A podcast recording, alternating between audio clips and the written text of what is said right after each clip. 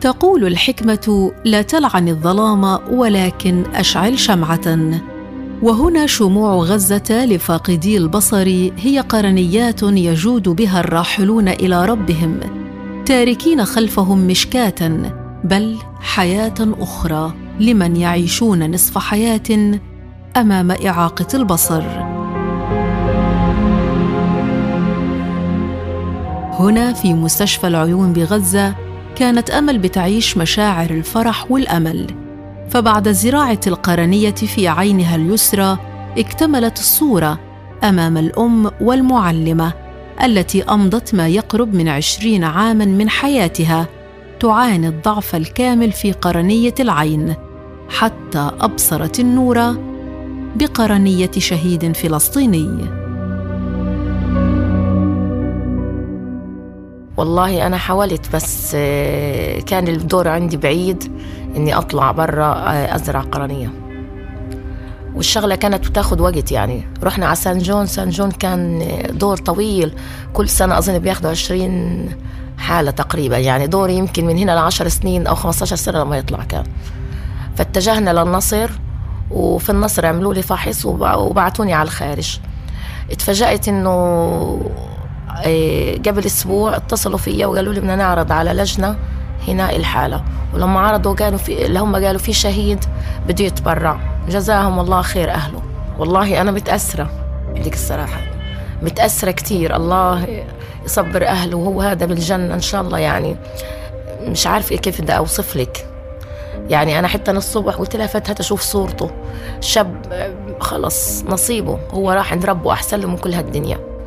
يعني شرى الآخرة بالدنيا حتى كمان جسمه تبرع فيه عشان يضل في منه جزء يعيش كصدقة جارية على الإله. إن الله قدرني كل يوم بدي أحاول أقرأ إيه صفحتين أو ثلاث صفحات من القرآن على طول على روحه. كل يوم ليش لا؟ بعد كل صلاة. لو كل لو بعد كل صلاة ورقة واحدة ولا حاجة كصدقة إله.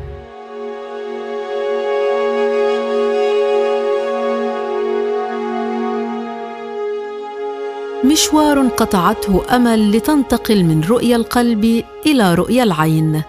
عمر وحياة وقصة أمل لحوالي 600 حالة هنا في غزة على قوائم انتظار زراعة القرنية. وحسب وصف الدكتور ماجد حمادة مدير مستشفى العيون فإن التجربة نوعية. المتبرع والمتبرع له من غزة بجهد طواقم فلسطينية تزرع القرنيات لتغرس في عيون فاقدي البصر بذور حياة جديدة. بعد إطلاق وزارة الصحة نهاية شهر آب الماضي برنامجا وطنيا لنشر ثقافة التبرع بالأعضاء بعد الوفاة وخاصة القرنيات. هذا المشروع حقيقة يعني مشروع وطني بامتياز لأنه القرنية أو جراحة القرنية أو زرع القرنية بالتحديد من يعني التخصصات الفرعية في طب العيون اللي فيها يعني يعني مشاكل معقدة سواء بالنسبة لتوفير القرنية أو إجرائها وهذا كان يدفعنا دائما إلى تحويل حالات للعلاج بالخارج.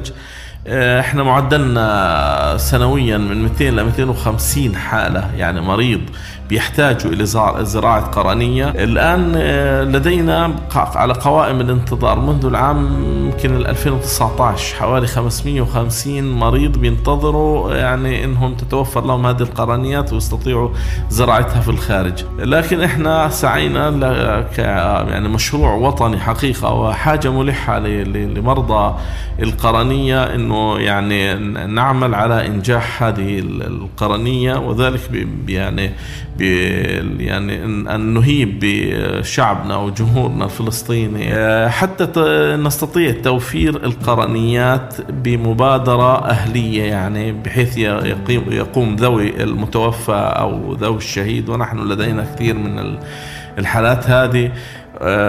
يعني يقوموا بتحت يعني الحم يعني عنوان الحملة ومن أحياها انطلاقا من حديث رسول الله صلى الله عليه وسلم آه، ومن أحياها فكأنما أحيا الناس جميعا. يعني العين عندما تفقد الإبصار أو الإنسان يفقد الإبصار في هذه العين يعني يفقد جزء مهم جدا في حياته. فبالتالي هو بي أنت بت يعني كأنك بت تنفخ حياة أو تبث حياة جديدة عندما تمد يد العون له ويصبح مبصر. وهذه حسب ما تم يعني الإفتاء به من لجنة العلماء هنا في فلسطين أنها تعتبر صدقة جارية.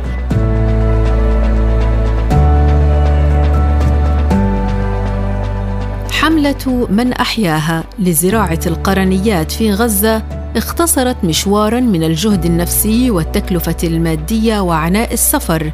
لزراعة القرنيات خارج غزة في ظل الحصار الذي وقف سدا منيعا خلال السنوات الماضية وكان له بالغ الأثر على سفر المرضى أو شراء القرنيات من الخارج وزراعتها في مستشفيات القطاع حيث تتعرض غالبا للتلف بسبب إجراءات الاستيراد عدا عن تكلفتها المرتفعة التي قد تصل إلى خمسة آلاف دولار للقرنية الواحدة.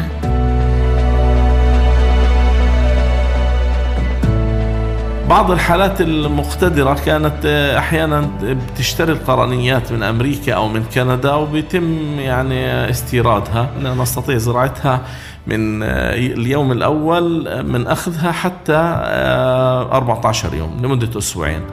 طبعا هذه كانت من المشاكل أحيانا في النقل أيضا لما كانت تجينا من أمريكا قبل ما تخش وتنبعد حتى لو كانت بأسرع السبل كانت أحيانا آه، بتصل متأخرة. بالإضافة لأنه إحنا المعابر في أي معابر شئتي. طبعا هذه العمليات تعتبر جراحة وجراحة دقيقة بالتالي بدها محافظة. آه، ممكن الغبار الأتربة الشمس الحرارة العرق. هذا الشيء يؤثر على نجاح العملية. ممكن إنسان يقوم في بزراعتها في أي قطر عربي أو محيط. لكن لا يحافظ على ذلك وبالتالي إحنا يعني بنكون فقدنا الجهد وفقدنا أي شفاء امكانيه توفيرها في مستشفى العيون في غزة هذه حقيقة يعني شيء يعني يخفف عن كاهل المواطنين تبعونا. يعني نسبة الذين يعيشون تحت الفقر يعني معروفة لدى الجميع. فلذلك إمكانية توفير خمسة ألاف دولار لإجراء عملية أمر ليس بالهين حتى المقتدر ليس أمر بهين له أن يوتر كونه أنت توفري لهم هذه الخدمة يتلقاها مجانا هذا شيء إنجاز كبير. يبادر عشرات المواطنين لتوقيع إقرار لدى وزارة الصحة بالتبرع بالقرنية في حالة وفاتهم. وأيضا تتلقى الوزارة اتصالات من أهالي متوفين أو شهداء يرغبون في التبرع أيضا خصوصا أن إزالة القرنية لا تحدث في الجثمان أي تشوه ويقبلها الجسم الحي بنسبة تتجاوز 95% أما في غرف العمليات فيكون الاعتماد بالدرجة الأولى على مهارة الفريق الطبي الفلسطيني المتخصص. والذي يبذل قصارى جهده في إنجاز أكبر عدد من العمليات في ظل الإمكانيات المحدودة التي يعاني منها القطاع الصحي بشكل عام. المؤشرات الأولية بتقول أنه العمليات كلها من فضل الله صارت بسلاسة رغم شح الإمكانيات. وأقول شح الإمكانيات في ظل ضوء الحصار الذي لا يخفى على أحد لا من قريب ولا من بعيد. الاحتلال يعني ضيق على قطاع غزة بشكل يعني خانق. اليوم لدينا نحن بعض الأجهزة الطبية يعني العمر الزمني تاعها يفترض لكل شيء عمر زمني. يعني تخدم مثلا لثلاث سنوات أو أربع سنوات. اليوم إحنا بنشتغل عليها 15 سنة بنحاول نرمم فيها ما استطعنا. لكن نحن من أجل يعني إنجاح هذا الموضوع نعمل بكامل طاقتنا ونعمل بالإمكانيات المتاحة فبالتالي نحتاج إلى أجهزة نحتاج إلى ميكروسكوبات للفحص للقرنيه أيضا اللي بننزعها إحنا. يعني بيتم تقييمها تقييم آه، مبدئي بأشياء يعني خلينا نقول الأساسية. تنظيم أرشفة البنك وجود المواد الحافظة لأن المواد الحافظة هذه اللي بنحفظ فيها القرنيات إحنا بيتم الزراعة بعد من يومين لثلاث أيام بالغالب. برضو بدها إمكانيات للحفظ وترتيب وأرشفة هذا موضوع مش صغير لكن نحن لم نقف عند هذه التحديات. التحديات إذا أردنا أن يعني نقف لديها لا نستطيع التحرك لخطوات بسيطة لكن نحن دائما مؤمنين بأن مشوار الألف ميل يبدأ بخطوة وإنها تتوفر لدينا هذه الخدمة بأيدي محلية وبتبرع محلي. فنحن يعني ربنا سبحانه وتعالى يعني يعني نلمس معيته مع شعب فلسطين شعب غزة المحاصر شعب مظلوم له الحق كما ذكرت لك مكفول بكافة الشرائع السماوية وبكافة القوانين حتى الأرضية التي تضمن حقوق الإنسان.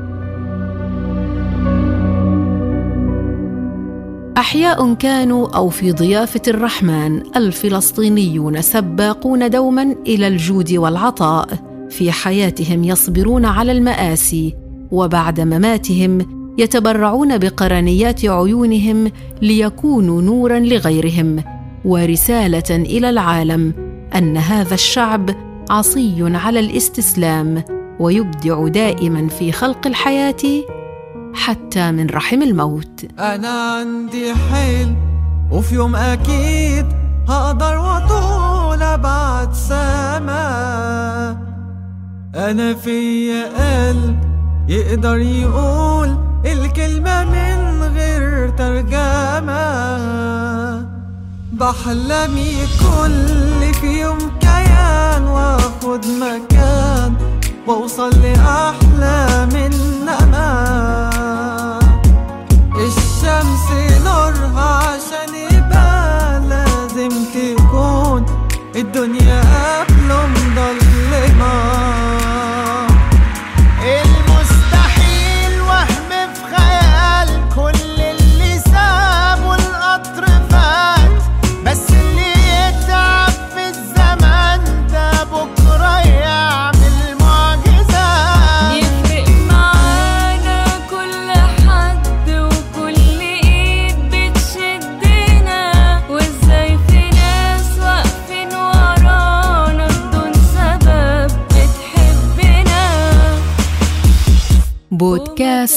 على حافة الحياة. إعداد وتقديم حنان أبو دغيم. إخراج صوتي خالد النيرب. ومكان ما حلمي يكون هروح دايما هنا. في حلمي مستنيني على خط النهاية. ومن غير ما تحتاج حد فينا إحنا معاك.